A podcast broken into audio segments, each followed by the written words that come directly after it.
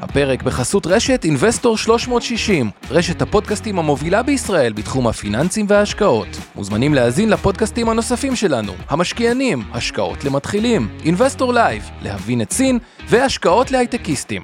הופק ונערך על ידי שמע, פודקאסטים ויצירות סאונד.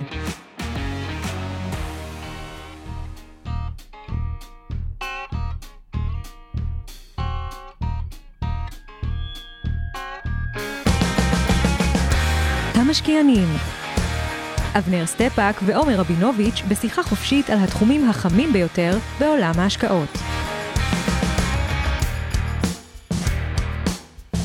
אוקיי, ערב טוב לאבנר. הייתה לנו התוכנית עכשיו האחרונה בהשקעות למתחילים. נכון, אחרי שנה וחצי כמעט, כן. ואנחנו מרכזים מעכשיו, משבוע הבא, את כל הכוחות חזרה רק למשקיענים, וגם הצטרפו אלינו חבר'ה מהשקעות למתחילים, אבל זה אה, זמן טוב להגיד באמת, שמי שכבר רוצה שאנשים יתחילו ללמוד מההתחלה, אנחנו גם עשינו כמה פרקים מחדש בהשקעות למתחילים, סך הכל התחלנו בקטן, הגענו לכמה צופים פחות או יותר האזנות חודשיות עכשיו בהשקעות, חצי מיליון האזנות טוטל, 30 אלף בהשקעות למתחילים, אז כנראה שזה הביא ערך להרבה אנשים. תפנו מקווים. ככה להתחיל מזה, ואז יסיימו את ההשקעות למתחילים, יוכלו להתקדם למשקיעתים, איפה שאנחנו פה היום, ונתחיל מפינת המכפילים, לא? אה, כן, נתחיל מאקטואליה, רק נודה לידידנו אורי טלדנו, שמלווה אותנו כבר תקופה ארוכה מאוד בכל הפודקאסטים האלה. תודה לעמי ארביב, אורן רמברסקי ואור חלמיש על הסיוע בתכנים. עוז גצליק ממיטב, שתקופה ארוכה ניהל את השידור הזה, ונראה לי שנצלול לפינת המכפילים. אז רגע לפני המכפילים, אני רוצה להגיד משהו מדהים. אוקיי? Okay. היה יום שהתחיל ממינוס 2% בעקבות בשורות רעות, וסיים בפלוס 2%. אה, זה היה יום מטורלל כזה, התחילה האינפלציה, כאילו... פחות טוב מהתחזית, השוק קורס, בום, השוק זה, ואף אחד לא מבין מה קורה. אז לפני שנסביר מה קורה גם אחרי זה וניתן את הדברים האלה, הדבר הזה שמתחיל במינוס 2% ועובר לפלוס 2%, הוא לא קרה המון פעמים בהיסטוריה, אבל כשהוא כן קרה, והוא קרה פעם אחת בשנת 88, ופעם אחת ב-98, וב-2003, ואיפשהו בשיא המשבר, וב-2013, וגם בקורונה, הוא סימן את אה, שיא השפל, כלומר, את נקודת המפנה. עכשיו, עוד נתון מעניין, אז זה ככה דבר אחד שהרבה שואלים, האם יש לנו תחתית? nobody knows, אבל נדבר רגע על סטטיסטיקה. סטטיסטית, היום הזה שמתחיל מאוד נמוך ומסיים גבוה, הוא יום שלא קורה הרבה וכו'. תוסיף לזה עוד... אגב, לא היו חסרים ימים הפוכים, שהתחילו גבוה וסיימו נמוך. העצבנות והתנודתיות הזאת היא נכון, מאפיין ו... של התקופה הזאת. כן. נכון. בואו נדבר על אוקטובר רגע. מבין השפלים שהיו בהרבה מאוד אה, שנים האחרונות, תשע מהם סומנו בחודש אוקטובר, רק כדי להבין. אוי, מה התחלנו עכשיו עם ה... שנייה, לא, לא, לא. יש לזה גם איזושהי סיבה, רגע, אני אסביר אותך. אני רק אסביר את כן. תפיסתי את הסיבה, אבל רק אוקיי. כדי להבין. ינואר אף פעם היה שפל, פברואר פעם אחת, אפריל פעם אחת, יולי פעם אחת, אוגוסט פעם אחת, ספטמבר פעם אחת, אז למה אני רק אומר את הנושא של אה, אוקטובר, וזה גם יהיה מעניין הפעם לראות. בדרך כלל, כשיש דוחות כספיים, חברות נסחרות על הדוחות הכספיים. אגב, יש שבוע, אנחנו במבול דוחות. נכון. כלומר, נטפליקס היום בערב, אינטראקטיב ברוקר היום בערב, אינטואיט, אה, האמת, המון חברות. מחר יש לנו את טסלה, IBM, אבוט רפורטיז, אה, האמת, אני לא אגיד את כל החברות, אבל שבוע מוטרף מבחינת דוחות. למה אני אומר את זה? כי אנחנו בתקופה שבה הנרטיב השודד הוא נרטיב מאוד מאוד אמורפי. מה הכוונה? ירידות, כשאין דוחות כספיים, יש לדבר על האווירה. האווירה היום היא אווירת, נקרא לזה בין אווירת מחיים ואווירת סוף העולם מגיע, כאילו, הכל רע. ריביות עולות, יש מלחמה, יש אסונות טבע. אבנר, תספר לנו משהו אופטימי אולי שיש. תספר, משהו שהחגים נגמרו נגיד? מה? שהחגים נגמרו, הסתיימו, שיש לי יום הולדת, מה עוד אתה רוצה? אה, יש לך יום הולדת היום? לא. אה, הבנתי. עוד שלושה ימים. עוד שלושה ימים. הבנת, טוב, אבנר, כמה חוגג? 40? עזוב, עזוב אותך, אנחנו לא אנחנו כמו... לא שואלים, אה, יש שני קטגוריות שלא שואלים, נשים ואנשים כמוני. הבנתי. לא שואלים לי כמה אתם. אז... אה, עדיין קידומת ארבע, לא לדאוג. אה, אתה יודע, מזל טוב קודם כל, אבל כשיש דוחות, אז פוגשים את המציאות. עכשיו, אם המציאות נפגשת על רגע ציפיות מאוד מאוד גבוהות, שאנחנו בשיא כל הזמנים, אולי זה נקודת אה, אפילו כשל. אם המציאות נפגשת על רקע אווירה כל כך גרועה, לא צריך תוצאות טובות, צריך תוצאות סבירות כדי להתחיל לבסס איזושהי תחתית. אז העונה הזאת תהיה עונה מאוד מאוד חשובה, האם באמת כל ה... אווירת נכה מתבטאת או לא מתבטאת, וכבר יש דוחות ראשונים שאפשר לתת את האינדיקציה, וצריך להגיד בכנות, זה רק 7% מהדוחות. שבוע הבא, אגב, כבר יהיה לנו הרבה יותר, וזה יהיה יותר אה, מבוסס. אז בואו נראה רגע לאיזה אווירה אנחנו נכנסים עם הדוחות, וזה מעביר אותנו פינת המכפילים. תשואת האג"ח ירדה מתחת ל-4, 3.97 בארה"ב, מכפילי רווח עתידיים ב-S&P 15.6, שזה נחשב מכפיל די נוח, גם uh, היסטורית, זה קרה רק במרץ, שזה היה שפל, 2018, שזה הייתה uh, נקודת uh, שפל, ואז כבר חוזרים איפה שם ל-2015 ו-2013 ואזורים כאלה, כלומר זה מכפיל שהוא די נוח, אז זה ככה בנאסדק קצת יותר uh, יקר, uh, אבל עוד רגע מילה לגבי ה-S&P. תזכרו, 15.6 הוא לא נשמע כזה נמוך. נשמע נוח. אבל קחו בחשבון שיש שם כן כמה חברות שבאמת מצדיקות מכפיל יותר גבוה, אין מה לעשות, יש חברות כמו אינטואיט, סיילספורס, מייקרוסופט, שלכולם ברור שאנחנו באמצע טרנספורמציה דיגיטלית, מבנית, וכאילו, זה חברות ש... צמחו וימשיכו לצמוח באיזשהו אחוז ובאמת מצדיקות איזשהו מכפיל יותר גבוה. כמות החברות שמתחת למכפיל 13 או 12 היא עצומה מתוך ה-S&P כלומר, כל מה שהוא לא סופר מובהק, צומח, עם צפי מאוד מאוד חיובי, הוא במכפילים לא גבוהים או נענש על כל העבירה, ואני אגיד את זה עוד משהו. גם מה שצומח בצמיחה מאוד מאוד יפה, ויש איזושהי סיבה למה הוא צריך להיסחר זול, הוא זול. ודוגמה טובה לכך, Taiwan Semiconductors היא חברה שצומחת מאוד. כן. תעשיית השבבים מאוד מאוד צומחת, רק כדי להבין עד כמה היא צומחת. היא עשתה בממוצע יותר מ-50 אחוז, בשלוש שנים האחרונות 37 אחוז גידול בהכנסה לשנה וגם גידול ברווח לשנה. זה הרבה. אולי סין תפלוש לטיוואן, או חברת צמיחה שתומכת ב-30 אחוז, צריכה להכפיל 10, שזה נמוך. כלומר, כל מה שיש לו איזושהי סיבה להיות במכפיל נמוך, נסחר במכפיל נמוך, ומי שיש לו סיבה להיות במכפיל גבוה, נסחר במכפיל סביר. נסדק 20, ראסל פחות אני סופר, בריטניה, גרמניה, מכפיל 9.4. בריטניה, משהו מעניין סביב האג"ח שם, שהאג"ח קפץ, והתערבות, והיה, ודיברו על הפאונד, ושר אוצר מתפטר וכו'. יש איזושהי בעיה, חלק מהסיבה שהאג"ח הממשלתיות נופלות, היא כשיש מפולת בשווקים, הרבה פעמים אתם לא רוצים לקרוא את המניות, אנשים מוכרים את הנכס הכי שכיר. הנכס הכי שכיר הוא בדרך כלל אג"ח ממשלתי, הבנתי שזה גם קשור להיבט אה, הזה. ישראל, תשואת האג"ח נמוכה, 3.3. 3.3, יחסית לעונה מתשואה נמוכה, מכפילים יחסית נוחים, 11.4 תל אביב 35, 11.4 תל אביב 90. לתפיסתי, אגב, בין השווקים שנתנו הכי טוב בעולם, תל אביב 90, 96 אחוזים בחמש שנים האחרונות. לתפיסתי, אבנר, אני אתן לך את הרגשתי, הדוחות של החברות הישראליות הולכות להיות טובות. כלומר, בישראל עוד לא פורסמו הדוחות, אבל מדברים על ארה"ב בעיקר, אבל בישראל אני חושב שאנחנו נראה עונת דוחות טובה, אבטלה נמוכה, בנקים הולכים להציג תוצאות טובות, כלומר, ריבית כן. עלתה, מדד עלה, כאילו לא, לא רואה הפרשות גדולות במצב המשק, נדל"ן מניב די מוזכר פה יפה. בכלל, התעשייה פה עובדת טוב, עצמאות אנרגטית, אני לא רואה איזושהי הפתעות מאוד מאוד שליליות בארץ.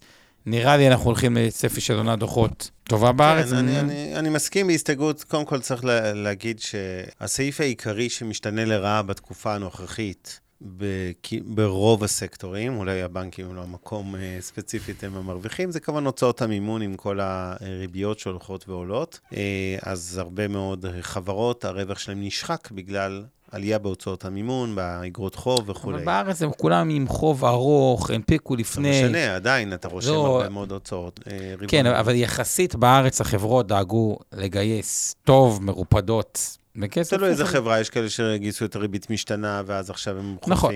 וכולי. בהכללה, בוא נגיד, אם יש משהו שיעיב על הדוחות, זה כנראה סעיף הוצאות המימון. דבר שני, שלא נראה בעונת דוחות רבעון שלוש, אבל צריך להתחיל אה, לעקוב אחריו קצת. היום ראיתי איזה אמירה, נדמה לי, של אה, רביד מוויקטורי, אייל רביד, אה, הבעלים והמנכ"ל אה, של ויקטורי, שמדבר על זה שהוא צופה איזושהי מלחמת מחירים אחרי החגים, כלומר ירידות מחירים ברשתות השיווק. זה בן אדם שאני אגב מאוד מחזיק ממנו ברמה אישית. ואני חושב שיכול להיות שאיזושהי האטה עולמית וגם ישראלית בכל זאת, בצריכה וכולי, תורגש. עליית הריבית משפיעה גם על משקי הבית באזור המשכנתאות שלהם כמובן. או חובות אחרים, אבל בעיקר במשכנתאות, והיא יכולה לבוא בסוף על חשבון הוצאות אחרות של משקי הבית, ולהתגלגל למיתון, או לפחות להאטה יותר משמעותית. אז אני לא פסימי מאוד על ה... קודם כל, אני אתחיל מזה, אני מאוד אופטימי על האינפלציה, אני חושב שזה סיפור שדי מהר נראה אותו מאחורינו, גם אם עדיין לא ראינו את זה. אה, וזה גם יעזור לדוחות הכספיים דווקא ברבעונים הבאים, שוב, אפרופו הוצאות מימון למי שיש לו צמודי מדד, אבל אה, אני כן חוש... אה, קצת יותר פסימי דווקא בצד הבאמת, נקרא לזה הפעילות הריאלית המשקית, אני חושב שהיא קצת תיפגע בכל זאת יותר ממה שנקרא לזה הממוצע מעריך, הקונצנזוס נקרא לזה ככה, אין לעשות, שכוח הקנייה קטן, אתה מדבר על זה תמיד נכון, בכיוון החיובי של מעמד ביניים. עכשיו, זה לא אומר שלא תבינו נכון, זה לא צריך להבדיל בין פסימיות על כלכלה, וגם, לא איזה, שלא תיקחו אותי יותר מדי אקסטרים בפסימיות, אני מדבר בטווח של השנה הקרובה, מרגיש לי שתהיה האטה קצת יותר חזקה ממה שחזאים צופים, זה לא אומר בהכרח פסימיות על שוק המניות, כי צריך לזכור שכבר חלק גדול מזה מגולם המחירים האלה. ראינו כבר ירידות, כולל בישראל, ירדה פחות, כמו שרואים בטבלת המכפילים נכון, זה, זה צריך, אבל הסיבה אבל נגד ירדה. ישראל, היא שישראל, אם ניקח תל אביב 90, ירד 10 אחוזים, שהנסדק ירד 30 ו... 2 אחוזים, היה כבר 135, ה-S&P ירד 23 אחוזים, אז ישראל פשוט ירדה פחות, כן. למרות שצריך להגיד את זה, במונחים דולרים היא ירדה קצת יותר, כי פה דווקא הדולר uh, התחזק. Uh, שתי מילים על המזרח, ואז אני רוצה רגע כן לחזק, אולי יותר מתחילים לחזק איזה משהו שאמרת. כן. אני חושב שהתנועת מלקחיים הזאת, שהיא שילוב, האמת יותר מלקחיים, מה כאילו הפחד בדוחות, או גם, אבל זה גם חלק מהנרטיב, למה האינפלציה מאחורינו. כשאין אספקה, אנשים נוטים להזמין ביתר, ויש מלאים. כן. כאילו, חברות בנו מלאים, אחת מהבעיות, אה, אני חושב שבדוחות של נייקי, הם אמרו, הרווח גדל, אבל המלאים, שימו לב, עלו באיזה 40 ומשהו אחוז, כאילו, ממש אה, אה, כן. קיצוני. אז מי יש מלאי? הצריכה באמת, כשמחיר השכירות עולה, זה משאיר פחות כסף לצריכה, ואתה יודע, אתה גר בתל אביב, מחירי השכירות ירדו או עלו? סיוט. אז... אה, אה, סיוט, אז זה משפיע פסיכולוגית על הצריכה. מי שקנה, אז ריביות משפיע פסיכולוגית על הצריכה.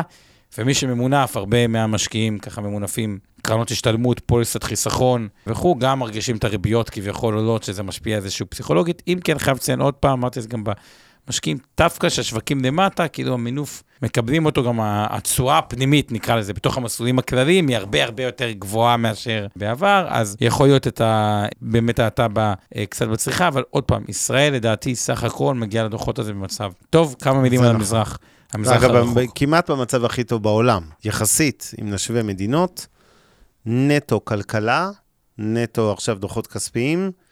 כרגע, עם כל זה שאמרתי, אני קצת פסימי looking forward, אני לא מאוד פסימי, והמצב היום הוא בוודאי מצוין בהשוואה לאחרים. רואה שזה עוד פעם, אין גירעון, פלוס כן. תוצר, אין נתונים כאלה, אין אבטלה, עצמאות אנרגטית. אנחנו מצב טוב מאוד, אין מה מצב טוב. מזרח רחוק. שם רגע את הודו, מכפיל קצת יותר גבוה, אגב, שם הנתונים בסדר, מכפילים קצת יותר גבוהים. סין, אה, הייתה את הוועידה עכשיו, החמש שנתית של אה, אה, סין, שווה אולי שנרחיב על זה טיפה בכלל, אה, בפודקאסט נבחר, אבל מכפילים מאוד מאוד זולים, תשע וחצי, העולם מתחלק לשניים, הרוב איבדו את האמון בנרטיב הסיני, מצד שני, מתומחר פה מכפיל מאוד מאוד זול, תשע וחצי. כן יש בעיות מבניות בסין, קצת בנדל"ן ועוד דברים, באמת שווה ככה... אה, לחזור אולי פעם לסין באיזה פודקאסט. אינדונזיה 14.2, דרום קוריאה 8.7, זה זול, אה, אין מה אה, להגיד. וייטנאם ב-11, יפן מכפיל עתידי 12, אוסטרליה 12 וחצי. כן, בהחלט רמות נוחות. גם כלומר, מי שחושב, גם מי שפסימי קצת על כלכלות וכולי, אלה מכפילים נמוכים. תזכרו את זה, כי אני תמיד מדגיש את הפער הזה כמו שאתם יכולים להיות אופטימיים או פסימיים על הכלכלה, זה לא בהכרח אומר באותו כיוון על שוק המניות, כי בסוף צריך להסתכל על התמחור בשוק המניות ביחס לחדשות, אוקיי? ולפעמים השווקים חוטפים מה שקוראים overshoot, כלומר יורדים יותר מדי חזק ביחס גם לתחזיות פסימיות, אותו דבר נכון לגבי מניה ספציפית, אני תמיד מדגיש את זה, יש מניה גרועה, זה לא אומר שהחברה גרועה, ויש הפוך, חברה, אה, כן, מניה יכולה להיות טובה מאוד, והחברה לא מי יודע מה. איך זה קורה? כי לפעמים חברה שלדוגמה, היה לה אה, כמה רבעונים לא טובים, אבל היא בסך הכל חברה מצוינת, המניה שלה פשוט קרסה יותר מדי, ואז המניה הופכת להיות מאוד טובה להשקעה, למרות שהחברה לא במצב מי יודע מה עדיין.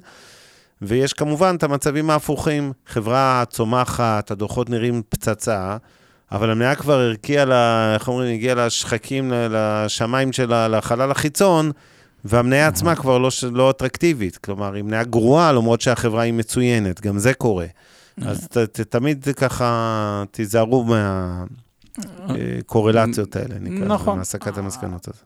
עכשיו, סתם שמעתי פודקאסט בדיוק אה, זה שלשום או אתמול, עם קטי ווד, היה דווקא מעניין לשמוע אותה, משהו עכשווי. מלכת תעודות הסל. עכשיו מלכת תעודות אה, הסל שירדה אה, מאוד. והיא באה ואומרת את הטיעון הבא, שאני רוצה רגע לא לשדול אותו לגמרי. אגב, סתם ההתנהלות שלה היא די מעניינת, היא מורידה את כמות הפוזיציות ומרכזת אותן בחברות שיותר אה, אה, מאמינה בהן. אה, אבל נתנה הערכה שזום, שהיום נסחרת ב-78 דולר, יכולה עד 2030, באחד הסצנריונים שזה יגיע ל-1,700 דולר, דברים מפוצצים, פי 20. אוקיי. עכשיו, שואלים אותה למה, סתם, כאילו, דיברה על זום ואת הדברים, ובכלל, דיפלציה, למה אני חושב שיש סיכוי שהאינפלציה היא הרבה יותר נמוכה, ובכלל שהפד הוא לא רק פועל אה, אה, אה, מבחינת הדאטה, והם, ייאמר לזכותם, פועלים הרבה בשקיפות. אז היא אומרת, שימו לב, כאילו, הנרטיב היום, קודם כל לגבי אינפלציה, היא אומרת, הרבה מאוד מהגורמים של אינפלציה כבר מאחורינו. כאילו, נפט, ירד, סחורות, ירד, הובלה, ירד, קופר, ירד, כאילו, it's not there anymore, כאילו, עדיין הפד לא עושה אה, כלום, אבל זה עוד לא, אה, זה כבר לא שם. ב', היא נתנה את חברת, אה, או כמה חברות כ- כדוגמה, וניקח את זום, זום נסחרת סביב המכפיל אה, 20. Uh, אגב, היא חזרה בשער לשער כמעט ההנפקה שלה, שמאז ההכנסות עלו uh, מאוד, uh, אבל זה לא מכפיל 20, זה מכפיל 15, כי צריך לזכור, uh, זום כדוגמה, uh, יש לה מזומן, uh, החברה שווה 20 מיליארד, ויש לה מזומן 5 מיליארד ואין לה חוב. אז תכלס היא מכפיל 15. עכשיו, נראה על פניו, שכאילו הסיפור נגמר, זה הנרטיב נגמר, עוברים, חוזרים מהמשרד, אבל בתכלס, בדוחות הכספיים, אה, 2022, 4 מיליארד, לעומת 2021, 2.6 מיליארד, כאילו, it's not over yet, כאילו, המעבר אה, לדיגיטציה. עכשיו, מה היא באה ואומרת? והיא אומרת, אוקיי, צריך לראות עד כמה, יכול להיות שזום באמת יהיה כלי עתידי, ישיבות, טכנולוגיה תשתפר, באחת מהדברים אנשים יעשו הרבה יותר פגישות, פגישות פיזיות שגם רואים, יש הרבה אלמנטים שזה עוד לא שם עד הסוף, שיכולים לתפוס. עכשיו, מה היא אומרת לגבי המדד שלה או, או, או חברות החדשניות? היא אומרת את הדבר הבא, ככל שבעולם יש יותר אה, שינויים, ואנחנו בעולם שיש בו שינויים, אה, אפשר לראות את זה, אה, דוגמה לשינויים זה כל מה, הטרללת שקורית ב... אה, בתחום, אה, נו, נקרא לזה סופות, גשמים, רעמים, ברקים, מזג האוויר אה, וכו'. אז בעצם, טכנולוגיה באה לפתור, מה זה חדשנות? היא באה לפתור בעיות. ככל שיש בעיות, חדשנות פותרת אותן. זאת אומרת, גם הדיפלציה מאחורינו, גם הכלי שנקרא טכנולוגיה, שהוא כלי מאוד מאוד מאוד דיפלציוני, הוא עדיין כאן. טכנולוגיה דיפלציונית כי היא מפחיתה את ה friction cost. Zoom במהות שלו הוא כלי דיפלציוני. במקום לקחת טיסה, לטוס לחו"ל, לתקן משהו, להיות בישיבה, עושים כן. את זה באפס עלות, זה דיפלציה, כאילו במהות של זה, מוריד אה, אה, עלויות. היא טוענת שהדיפלציה אה, כאן, וזה היה מאוד מעניין, אולי שאפשר לראות את הפודקאסט שלה. אה, אה, לראות פודקאסט קשה לשמוע. לשמוע את הפודקאסט שלה, אבל היא חושבת שהשוק, כלומר, כל התזה הזאת, זאת אומרת, למה חברות הטכנולוגיה ירדו? לא כי המצב או ההכנסות או הזה שלהם, התזה נגמרה, אלא כי ההכנסות שלהם עתידיות, ואם הריביות יישארו מאוד גבוהות, אז כשאתה מהוון הכנסות עתידיות להיום, אז כאילו הן שוות הרבה אה, פחות. המציאות היא לאו דווקא אה, ככה. אה, טוב, נעבור קצת הלאה, זה היה... כן, אם נחזור. קצת לנושא הדוחות הכספיים כרגע של הרבעון השלישי, אה, אני אגיד, יש מסורת בשנים האחרונות שרוב גדול של החברות מכות את התחזיות שלהם, אוקיי? זה כבר נהיה כמעט כזה ריטואל קבוע. זאת אומרת, סטטיסטית הייתם מצפים תיאורטית שחצי יכו, חצי אה, יוכו על ידי התחזיות, זאת אומרת, המציאות תהיה נמוכה מה...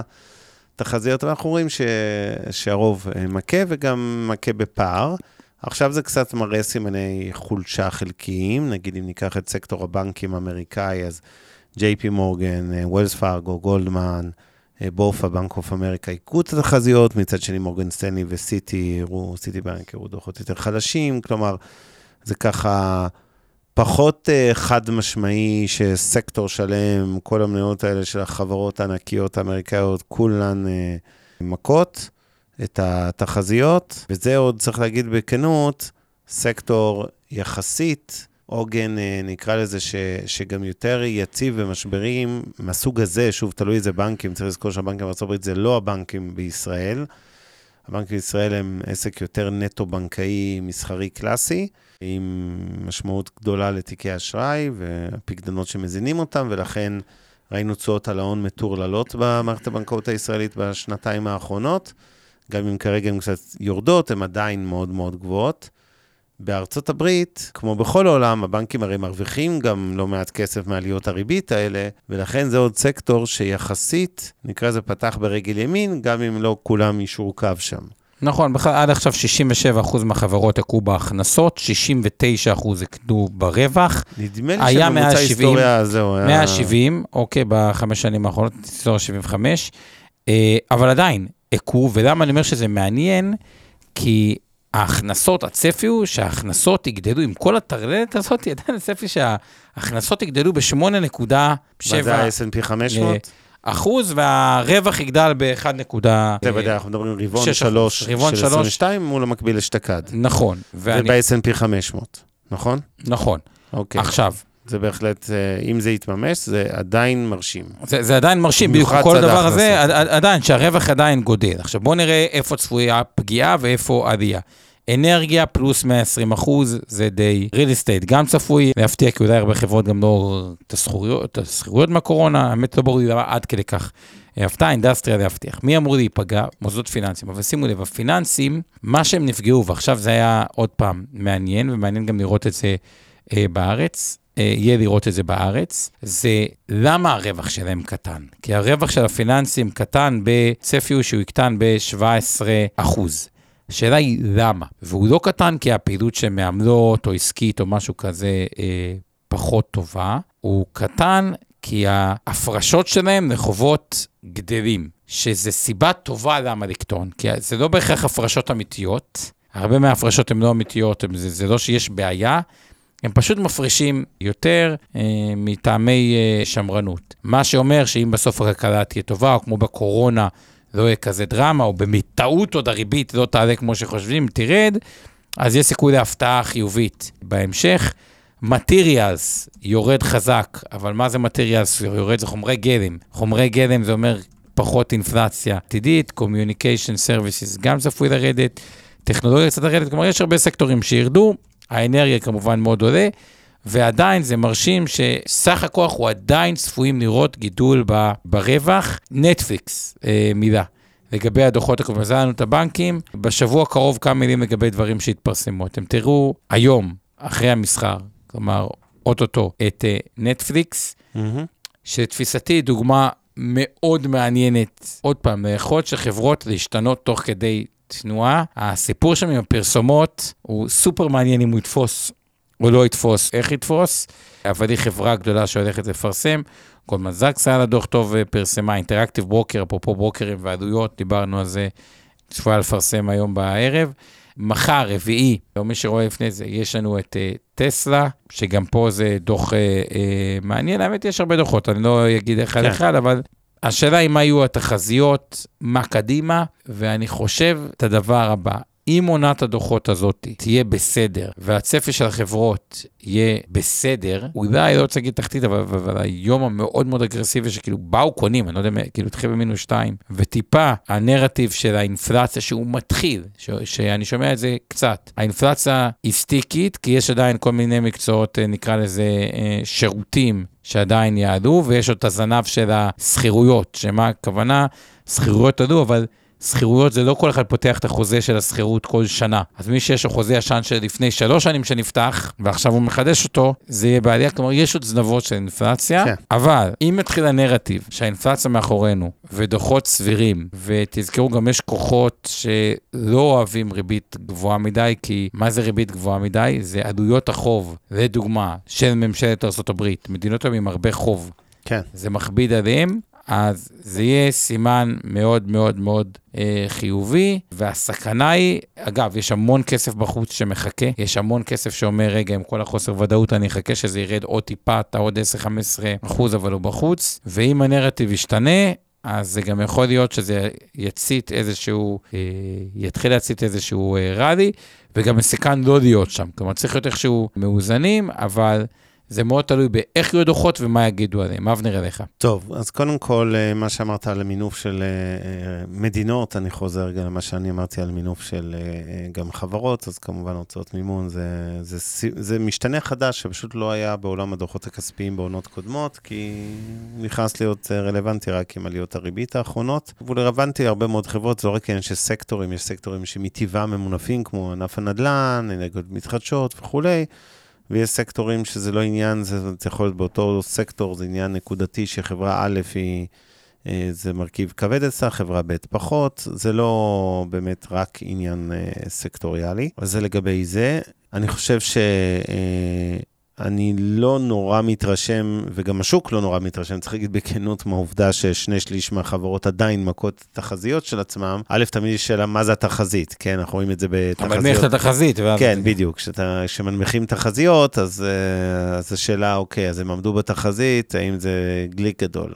ראינו את זה, אגב, עם אה, קרן המטבע העולמית, לגבי תחזיות צמיחה ומיתון בשנים האחרונות, כל הזמן הם זזו בקצב מאוד מאוד גבוה לגבי הצמיחה העולמית ושל מדינות מסוימות, ובסופו של דבר, אה, בוא נגיד זה ככה, כשהציפיות נמוכות, אז גם הקעת התחזיות לא אה, מהווה כזאת דרמה לגבי אה, שוק המניות. ובכלל, אני רוצה להגיד משהו יותר אסטרטגי לגבי הסוגיה הזו של אה, תחזיות רווח ועונת הדוחות. עכשיו זה פחות משחק של עונת דוחות בעיניי. זאת אומרת, מבחינת ה, אה, אה, מה מניע כרגע את שוק המניות, הרבה יותר מקרו, הרבה פחות מיקרו. זאת אומרת, הרבה יותר דברים של באמת עדיין העיסוק בריביות, אינפלציה, צמיחה עולמית וכולי, הרבה פחות המיקרו של עכשיו ואיך יוראו דוחות של חברה X, Y או Z, יותר מבעבר. ואני חושב שזה, אה, רואים את זה גם אגב, בעצבנות התוך-יומית, ב-S&P, נסדק וכולי, וכמובן בכל העולם בעקבות זאת, ששוק מתחיל את הבוקר במינוס 3%, גומר בפלוס, אה, או הפוך, לרוב המקרים ראינו כמובן ירידות בחודשים האחרונים. המאניה דיפרסיה הזאת של השווקים, שהיא כמובן מייצגת מצב קצת פחות בריא, של אי-ודאות ושל עצבנות של משקיעים, גם מוסדיים, לא רק פרטיים אגב, היא, היא בעיניי עדות לזה שא', הביטחון בדוחות הכספיים של החברות אה, קצת נחלש, ב', הם פחות מעניינים. אנשים יותר מתעסקים היום בכל הדברים האסטרטגיים כאמור, גם כמובן בנושאים גיאופוליטיים כמו אה, רוסיה, אוקראינה, סין, טיוואן וכולי, תמיד כשאתם רואים ככה את כל מה שקורה ברוסיה עכשיו בשבוע, שבועיים האחרונים, זה מצית מחדש קצת ההקשר הכלכלי של האירועים האלה, אבל בסך הכל אני מרגיש, ש- בוא נגיד זה ככה, המקרו מוביל וזו תקופה שהחשיבות של הדוחות הכספיים באופן יחסי בעיניי דווקא יותר נמוכה. אה, והרבעון הזה הוא לא מאוד מייצג, זה בכלל תקופת קצת מעבר משנים של צמיחה לתקופה של מיתון, תלוי איפה בעולם. אבל בגדול למינימום של האטה ועד מיתון במדינות, באזורים מסוימים. אז השאלה היא רק איפה נתייצב, ולא איך בדיוק יראה סיכום אה, רבעון שלוש בעוד אה, אה, חודשיים היום או פחות. אז זה לגבי זה. אתה, יש לי עוד ככה להתייחס לכל מיני הערות של הקהל פה בצ'אט, אבל אתה רוצה... אני פשוט חושב שיש הרבה מאוד כסף שהוא אה, מיועד להשקעות שצריך להיות מושקע. כלומר, התופעה הזאת של לך תוחלת חיים עולה. מה שאומר שאתה צריך להשקיע לטווח יותר ארוך. חיסכון בעולם שעולה, מעמד ביניים שגדל, אה, כל הדבר הזה ביחד מייצר כסף להשקעות. אנשים חושבים שצריך בשורות טובות כדי שהשוק יעלה. לא נכון, צריך שהבשורות יהיו לא רעות. וסתם, אני אתייחס לחברה אחת שהפתיעה ב-35%, Blackstone, כביכול חברת השקעות. מתעסקת בתחום ה private equity, ההשקעות הלא אה, סחירות. מה לעשות, שדומה אה, לארץ, פשוט הגודל שלה, הוא הפך לזה שהיא הרבה יותר מסיבית מבחינת כמות ההשקעות שלה, ואז היא הפתיעה ב-30, כלומר, בתקופה רעה, היא הפתיעה מאוד מאוד אה, לטובה. פפסיקו השקיע לטובה. אני חושב שאם נראה שכל הנרטיב הזה, שהחברות לא ידעו להתמודד, הקריסה הטוטלית, הדברים האלה, אם זה יהיה הרבעון הזה, ונראה את זה גם ברבעון אחרי זה של הדוחות השנתיים, זה הרבה יותר דרמטי ממה שחושבים. כלומר, בסוף, מה זה אינפלציה? אינפלציה היא טובה למניות. מה, כולם אומרים, מה, מה זה טובה למניות? אינפלציה זה אומר שהחברות מוכרות ביותר כסף. כן. Okay, אוקיי? השאלה האם הן מצליחות לשמור על המרג'ין או לא. או להגדיל אותו, אפילו ראינו הרבה חברות שהרווח הגולמי גדל בשנים נכון, עכשיו, כל הנקודה היא כזאת, אינפלציה פתאומית, שהיא שוק, היא לא, היא, היא, היא לא בהפתעה, היא בסך הכל יוצרת תקופת מעבר, שבה לוקח זמן לעשות את האדפטציה.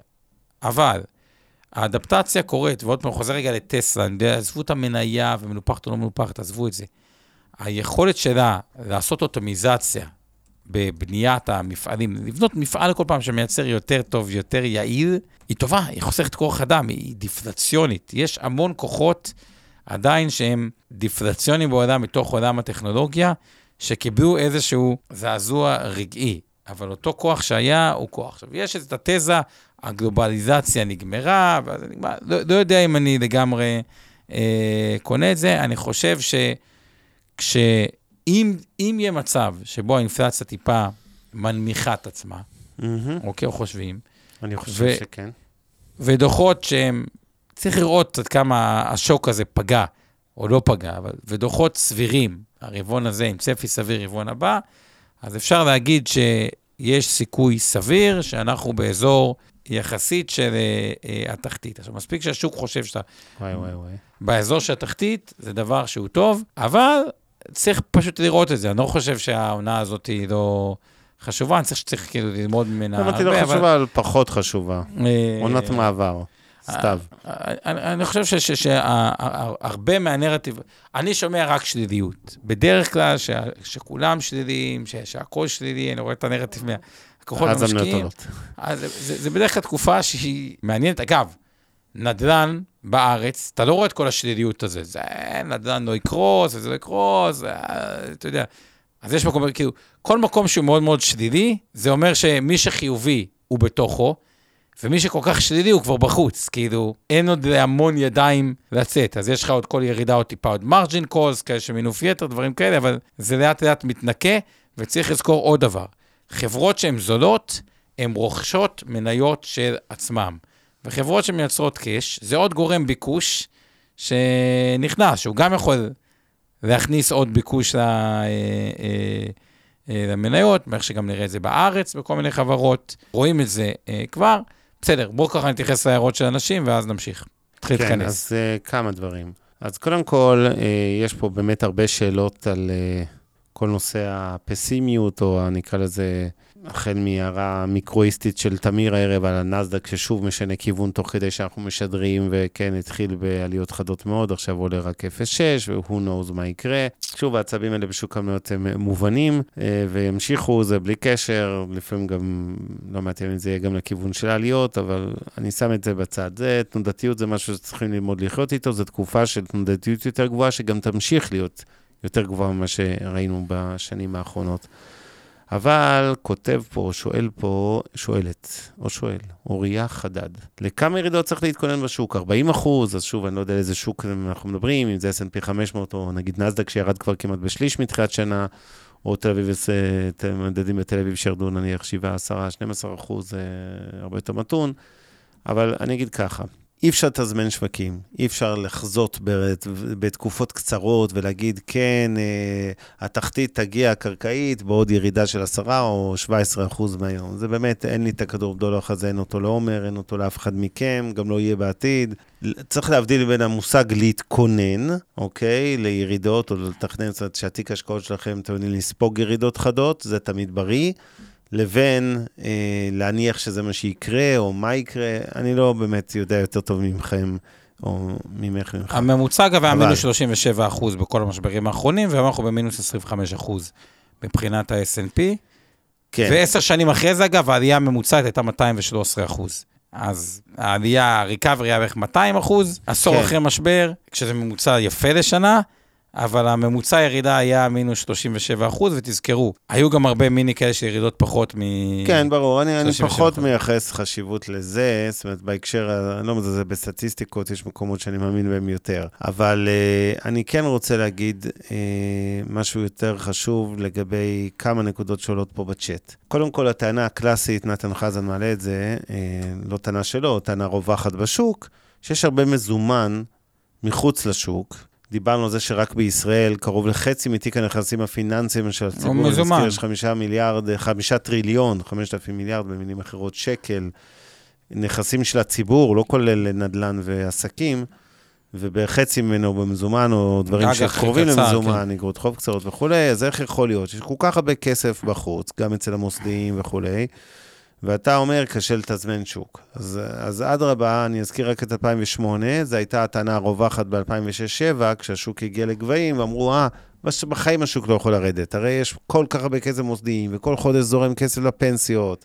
והם חייבים להשקיע אותו, אז ברור שהמניות לא יכולות לרדת, ואז קיבלנו את 2008. כשרק אני חושב. שהטענה הזו, אם היינו שומעים אותה בדיוק לפני שנה מהיום, הייתה תקפה גם אז, ואז הגיע אוקטובר 21, ושוב ראינו שמאוקטובר לאוקטובר אנחנו מסכמים אה, תקופה של ירידות חדות בסך הכל, למרות שהיה הרבה נזילות ועדיין יש הרבה נזילות. אז קודם כל צריך לזכור שחלק ממה שמניע את השווקים הם קרנות נאמנות ותעודות הסל, ושם היפוך המגמה של יציאת כספים הוא יחסית מאוד מהיר. אין איזה דרמה, זה לא שיש פדיונות עתק, אבל ממצב שהתעשייה הייתה מגייסת הרבה כסף, פתאום היא פודה כספים, ומנהלי קרנות חייבים לקנות, למכור את המניות או אגרות החוב או whatever, אז צריך להביא בחשבון את זה. וב', גם הכסף הגדול יותר, זה של המוסדים לטווח ארוך, הגמל פנסיה, ביטוח אחוז יחסית גבוה. הוא לא חייב להיכנס לשוק. תזכרו את זה, הם יושבים שם, אני, אני ביניהם, אנחנו אורבים באלף להזדמנויות. אין איזושהי אה, סיבה בהכרח, זאת אומרת, תלוי איפה, כן? תלוי באיזה נכס אה, בסיס אנחנו מדברים, אבל זה לא שישר מסתערים,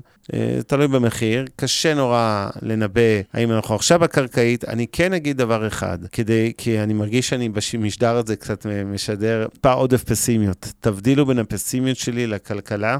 לבין האופטימיות שלי על המניות. אני ממש לא כזה פסימי על מניות, כמו שאני קצת יותר פסימי על כלכלה, גם שם, לא להיסחף, כן? אה, אני חושב שהמניות במכפילים הנוכחיים הן בהחלט מעניינות, ואם אני חוזר לשאלה שנשאלה פה לגבי רצועת הסיכון המפורסמת, דולב שואל, אה, זו אותה, אני מזכיר לכל אדם, רצועת סיכון שלו, אחד בין 70 ל-100, שני בין 30 ל-50, השלישי בין 50 ל-70, לא חשוב, כל אחד איפשהו מרגיש נוח. לפני שנה, אפשר לשמוע את זה גם בפודקאסטים, דיברנו, אני לפחות דיברתי על זה שצריך להיות בערך באזור השליש, כלומר בשליש התחתון של רצועת הסיכון, אני חושב שצריך להיות בערך באזור השני שליש, כלומר מעל הממוצע ההיסטורי של מרכיב המניות שלכם, בדיוק בגלל זה. כי החוכמה היא לדעת לנצל, זה לא עניין של לתזמן, אבל לנצל ירידות כאלה, לנצל את העובדה שמכפילים נראים הרבה יותר הגיוניים היום. גם אם גם הרווחיות יורדת, עדיין המכפילים ירדו עוד הרבה יותר מאשר קצב ירידת הרווחיות, ולכן הם, הם משקפים רמות מחירים יותר אטרקטיביות. זה עוד לא שוק להסתערות uh, טוטאלית, אני לא חושב שאנחנו באיזה, כן, כסף על הרצפה, ביטוי שאני די מתעב באופן אישי, אני לא חושב שזה הוא באמת קיים יותר מדי. כסף אבל- על הרצפה זה כשיש ירידות כתוצאה ממשבר נזילות כן, בשוק. זה, כן. כלומר, נזילות אמיתית, שהקרנות באמת פודות, אין את זה. רואים את זה במרווחי אג"ח שיורדים, הרי אף אחד לא מיוזמתו ייקח אג"ח שנותן תשואה של 10% לשנה של חברה סבבה וימכור את זה. זה נטו ברור. פדיונות שחייבים לעשות את זה, אז אנחנו עוד לא שמה. אז אני רוצה להגיד רק עוד כמה דברים, ולפני זה שוב להזכיר במיוחד בגלל שאנחנו מתעסקים בכל נושא של המקרו היום ואקטואליה, שכל מה שאנחנו עושים הערב הוא לא ייעוץ השקעות, לא תחליף לייעוץ השקעות, לא בידי ייעוץ השקעות מוסמך, שמותאם לצרכים ונכסים של כל אחד מכם בנפרד, אתם לא מקשה אחת, כל אחד והצרכים שלו. אה, אני חושב שצריך להביא, אה, וכמובן, זה לא המלצה לביצוע פעולת אה, השקעה במניה כלשהי, או בקרן נאמנות, או בכל דבר אחר. ואנחנו מחזיקים מניות שאנחנו מזכירים פה במסגרת תיקי השקעות, קופות הגמל, קרנות הנאמנות, הפנסיה, הגמל וכולי, ההשתלמות, גם שמיטב, שמיטב מנהלת, גם תיקי השקעות של אינבסטור וכולי, ולכן יש לנו לכאורה אינטרס בניירות שאנחנו מזכירים פה מדי יום שלישי. וגם הערב. עכשיו, אה, אני רוצה להתייחס לעוד כמה נקודות שעלו פה. אה, לירון שואל או שואלת לגבי רמת הקורלציה של השקל דולר שדיברנו עליה בעבר, ובאמת, בתקופה האחרונה, באופן חריג מאוד, הקורלציה הזו כמעט אחת לאחת עם שוק המניות, רק הפוכה כמובן, mm-hmm. כן? כלומר, אתם רואים ממש נסדק או S&P עולים, דולר נחלש והפוך, והסיבה היא כמובן גידורים. המוסדיים רוצים לשמור על רמת גידור, אה, רמת חשיפה דולרית או מטבעית, אבל בדרך כלל אנחנו מדברים על הדולר מסוימת, ולכן על אוטומט אה, המניות שלהם קטנו, זה אומר שהחשיפה הדולרית קטנה בתיק, נגיד קטנו עקב ירידות, קונים דולרים. ובאמת, אם הראינו גרף פה מדהים לפני כחודש, שפשוט זה נראה כמו תמונת מראה, S&P והדולר. אבל, שואל פה לירון, בראייה ארוכת טווח, נגיד 20 שנה מעכשיו. אני כמשקיע מדדים לטווח ארוך, הוא קונה תעודות צה"ל או מדדים וכאלה, גם משקיע בכל מיני קרנות איריות שנסחרות בשקלים, אז בוא נגיד את זה ככה. השאלה היא שאלה של מינון. כלומר, אם אדם היה אומר לי, תשמע, אני 100% מהכסף שלי מושקע במניות, וכמעט כל ה-100% הזה גם מושקע ב- בארצות הברית. שזה בעיניי טעות בלי קשר, אבל זה לא לעכשיו.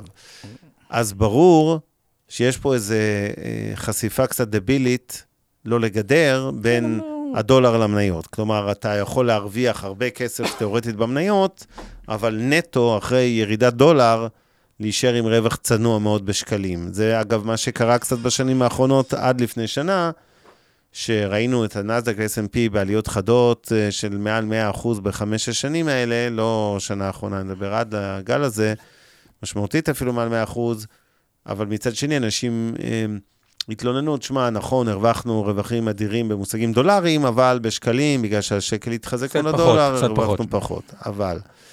אה, אה, ואני אומר, באופן כללי, רוב גדול של אנשים לא צריך לגדר מטבע, חשיפה מטבעית, דיברנו על זה בדיוק במפגש סיכום אה, לפני שעה של הסדרה של השקעות למתחילים, ואני אומר את זה גם פה. אה, רוב האנשים לא באמת מחזיקים 80 אה, אחוז אה, מהתיק של ההשקעות שלהם בחשיפה דולרית, ולכן אין סיבה. אז, אז אם אתם מחזיקים 20-30 אחוז נטו, אני מדבר מכל התיק ההשקעות שלכם בחשיפה דולרית, ויש לכם כנראה גם חשיפה מטבעות אחרות וכולי, אז זה לא אסון. אם אתם מתחילים להיות באחוזים גבוהים מדי, אז אתם צריכים כנראה לגדר את זה, אפרופו שאלתך לירון על תעודות סל או קרנות איריות וטכנית, ש...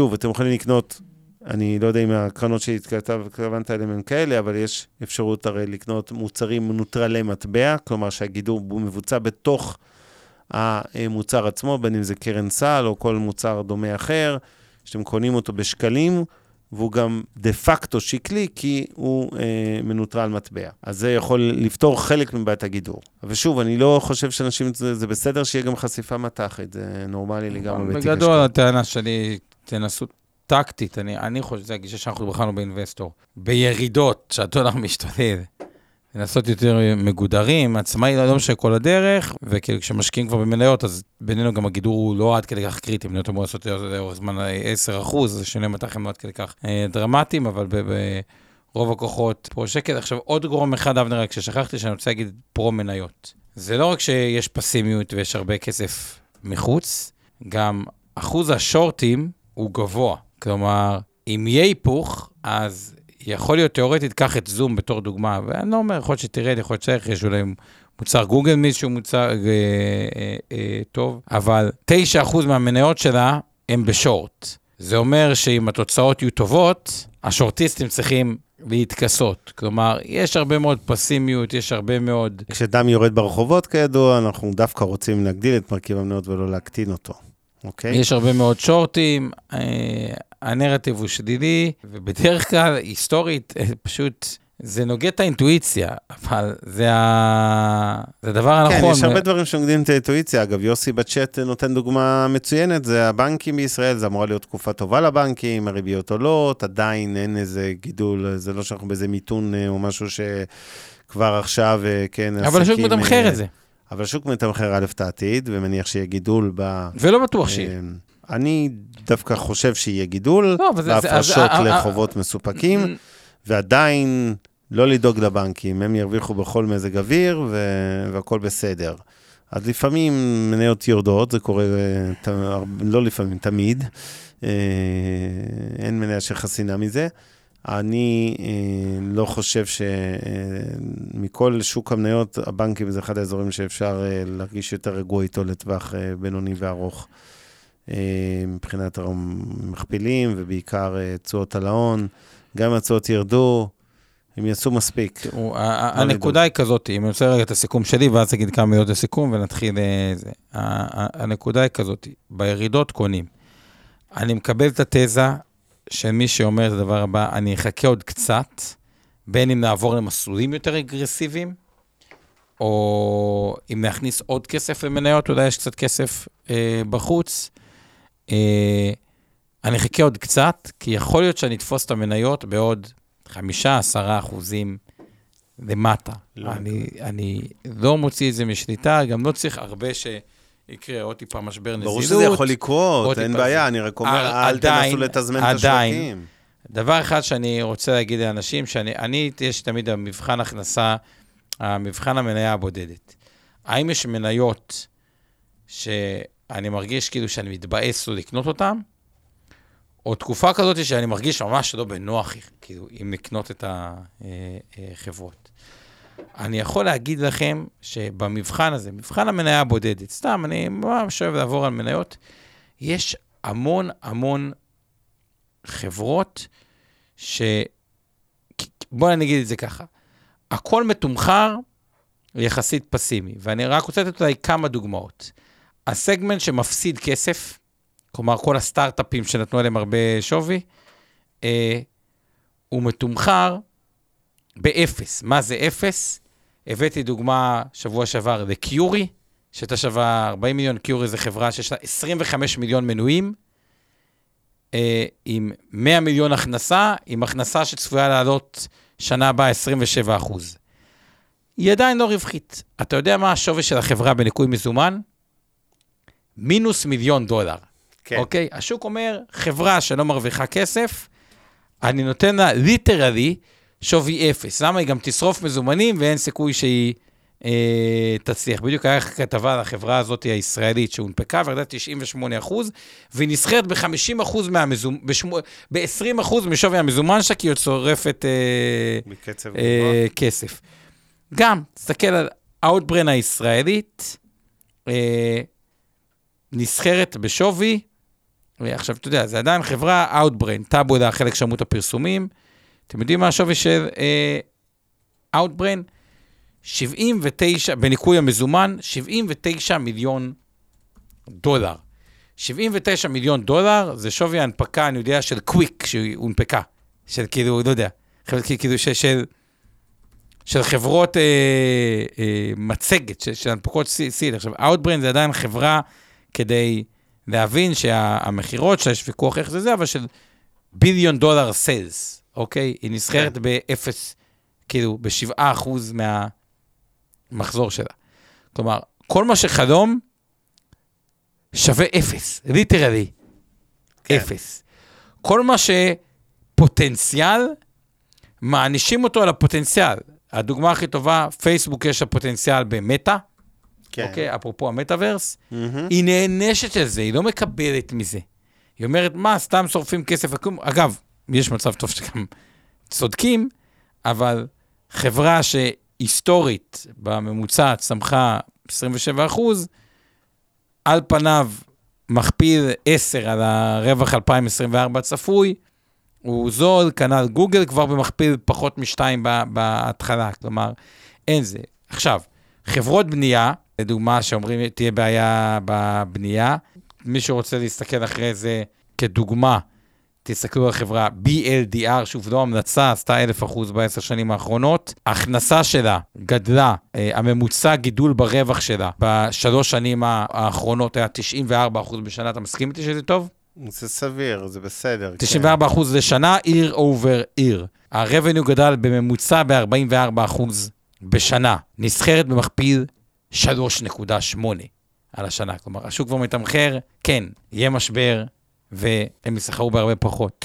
Taiwan Semiconductors, חברה טובה, עלתה לזה, 10. כלומר, במבחן המניה הבודדת, הכל מתומחר שלילי. חברות, עוד דוגמה האחרונה, אני זוכר שדיברנו, שופיפיי, חברה שצמחה הרבה, ירדה כבר ב-80 אחוז השנה. כאילו, כל כיס בועה או אופטימיות שהיה, נמחק. צים שלנו, שעשתה מלא רווח, נסחרת כבר במכפיל רווח, אתה יודע באיזה מכפיל רווח? על הרווחים העתידיים? אה, עתידיים. לא, על הרווחים הנוכחיים. עזוב שזה יהיה הרבה פחות. מצחיק, כן. מה זה מצחיק? תיקח הכי מצחיק שאתה יכול ותקצין. פחות מאחד. פחות מאחד, 0.61. כן. עם מכפיל רווח שלוש על שנה הבאה, מתחת ל... כן, כי זה תחזיות כרגע, עירי... ופחות מההון העצמי. בסדר, אז, אז, אז עוד פעם, אז או שאם הכל קורס אז זאת תהיה אינפלציה, כי התובלה קורסת, כאילו... ברור, הכל, בגלל זה אני מאוד אופטימי על אינפלציה, אגב, הכל קורס במובן הטוב של המילה. כל מה שאני אומר, במבחן המניה הספציפית, אני אומר לכם, היה תקופה, שנה שעברה, הרגשתי, לא, כאילו דווקא אין אלטרנטיבה, הנרטיב של there is no, של טינה היה מאוד מאוד חזק, אין אלטרנטיבה, אז אתה צריך לקנות מכפיל גבוה, אבל אתה מבין שאתה קונה מכפיל גבוה. אין יותר, כלומר, כמעט הכל, אין מכפילים גבוהים, כאילו מי שקבל מכפיל גבוה, זה רק חברות שסופר איכות צמיחה, עם סופר, כאילו ויזיביליות הצמיחה העתידית, ואז גם היסטורית, הם הרבה פחות גבוה, כי גם הם נחתכו בהמון. ראה ערך מייקרוסופט, אוקיי? אז זה מכפיל גבוה, גם מה זה גבוה היום לחברה צומחת? 23, כאילו זה הגבוה אחרי שהיא נחתכה. אז אני חושב שברמת העסקה הבודדת, מי שנכנס היום עושה עסקה טובה. אני חושב שיש סבירות. שפשוט בגלל שהנרטיב הוא כל כך שלילי, שנתפוס במחיר יותר נמוך, אבל כשהמחיר יותר נמוך, זה לא אומר שעדיין אנשים ייכנסו. כאילו מי שחושב, טוב, אני כאילו אכנס טוב, אנחנו צריכים לארוז את הערב. אני כן רוצה דווקא לקראת סיום, דיברנו כמה פעמים, הזכרנו את הנושא של אה, לתזמן את השוק. והיה פה דיון בצ'אט תוך כדי, ותמיר בדיוק המחיש לי את זה, כי באמת ראינו הרבה ימים בתקופה האחרונה ששוק מתחיל בעליות גומר בירידות והפוך, והנה גם היום תסתכלו אנקדוטלית על נסדק, משנה כיוון בצורה חדה, וברמה של דקות אפילו, כאילו הפער התוך-יומי היום הוא בערך 3 אחוז, אוקיי? כרגע, לקראת סיום המשדר, לא שיש לזה איזה חשיבות, מישהו עולה בערך ב-0.3, כן. 0.2, הוא כבר היה בקרוב ל-3 אחוז עלייה, אה, זה באמת, אה, זה, זה, זה עצבנות ברמה של דקות. ומה המסקנה שלי מהאירוע המיקרואיסטי הזה של איך נסדק מתנהג בשעתיים האחרונות?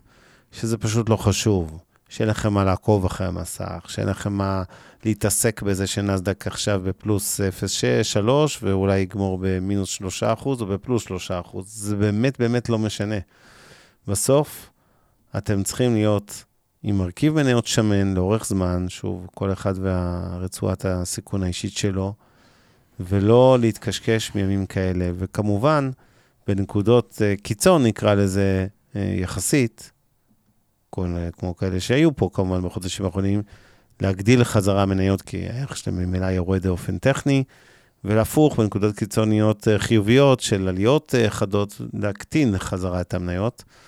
אה, ובסופו של דבר, לנווט את זה כך שזה יהיה כל הזמן באיזושהי רצועה שאתם מרגישים איתה נוח, כי בסוף, לאורך זמן, מניות עושות תשואה גבוהה, גבוהה מאוד אפילו יחסית לאפיקי השקעה אחרים, אבל הניסיונות לתזמן ולשחק, ואולי עכשיו ננקור, ואולי צריך לחכות שזה ירד למינוס 40 אחוז, ואז להיכנס, לא, אני לא קונה את זה, אין מה לנסות, אין לאף אחד מאיתנו את הכלים לחזות איך זה יהיה במילא, ולכן עדיף פשוט לשבת לאורך זמן, כמה שזה משעמם, ונורא כיף כל היום להתעסק בגרפים וניתוח טכני ומניות, וזה עולה ויורד, זה, זה באמת ריגושים, אני מבין את זה, עשיתי את זה שנים.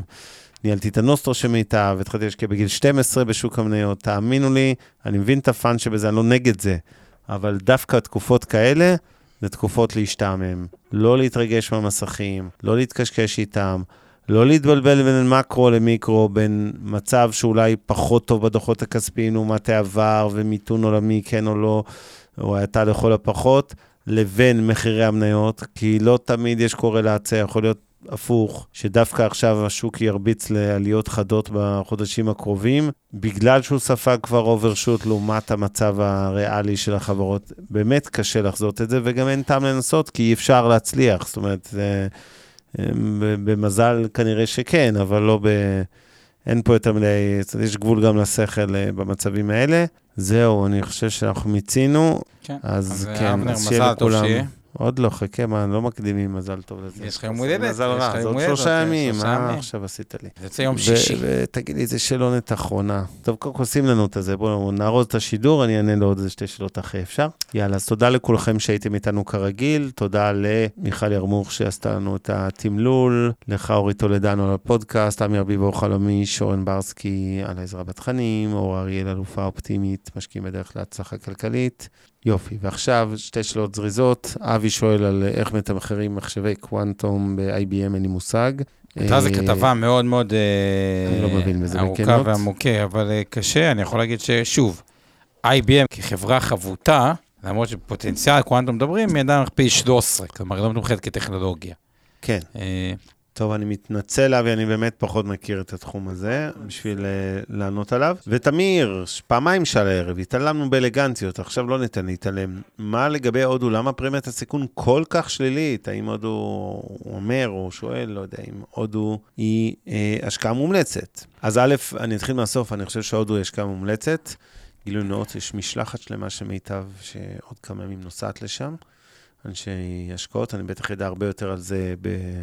באחד הפודקאסטים אפשר לארח מישהו מהם. כן, כשהם יחזרו. אני חושב שזה שוק מאוד מעניין ואיכותי, ולמה אבל פרמיית הסיכון כל כך שלילית, הפער בין התשואות של האג"ח לתשואות של שוק המניות? צופים שהכלכלה שם מאוד תצמח והמכפילים יצטמקו כי הרווחים מאוד יגדלו, ומצד שני האג"ח נותן תשואה קצת יותר גבוהה. היא שוק טוב ומכפיל קצת יותר גבוה. לא יודע איך להתייחס לזה, האמת יהיה. מעניין אה, לשמוע את נחפור החבר'ה. בזה יותר, נחזור אליך, תמיר, עם תשובות קצת יותר אינטליגנטיות. אה, אז תודה רבה, לילה טוב לכולם, תעשו טוב, זה חוזר עם ריבית והצמדה. לילה טוב. מעוניינים ללמוד יותר על עולם ההשקעות? האזינו לפודקאסטים נוספים שלנו. המשקיענים, אבנר סטפאק ועומר רבינוביץ' בתוכנית אקטואלית עם כל מה שחם בעולם ההשקעות. Investor 360 Live, אורן ברסקי ועומר רבינוביץ' מארחים את בכירי שוק ההון ומבינים את הטרנדים החשובים לשנים הקרובות. להבין את סין עם יובל ויינרב, עם כל מה שרציתם לדעת על הענקית מהמזרח. השקעות להייטקיסטים עם צח איציק, שיבנה איתכם תוכנית כלכלית להגשמת החלומות שלכם, והפודקאסט ההשקעות למתחילים, לכל מי שעושה את צעדיו הראשונים בעולם ההשקעות.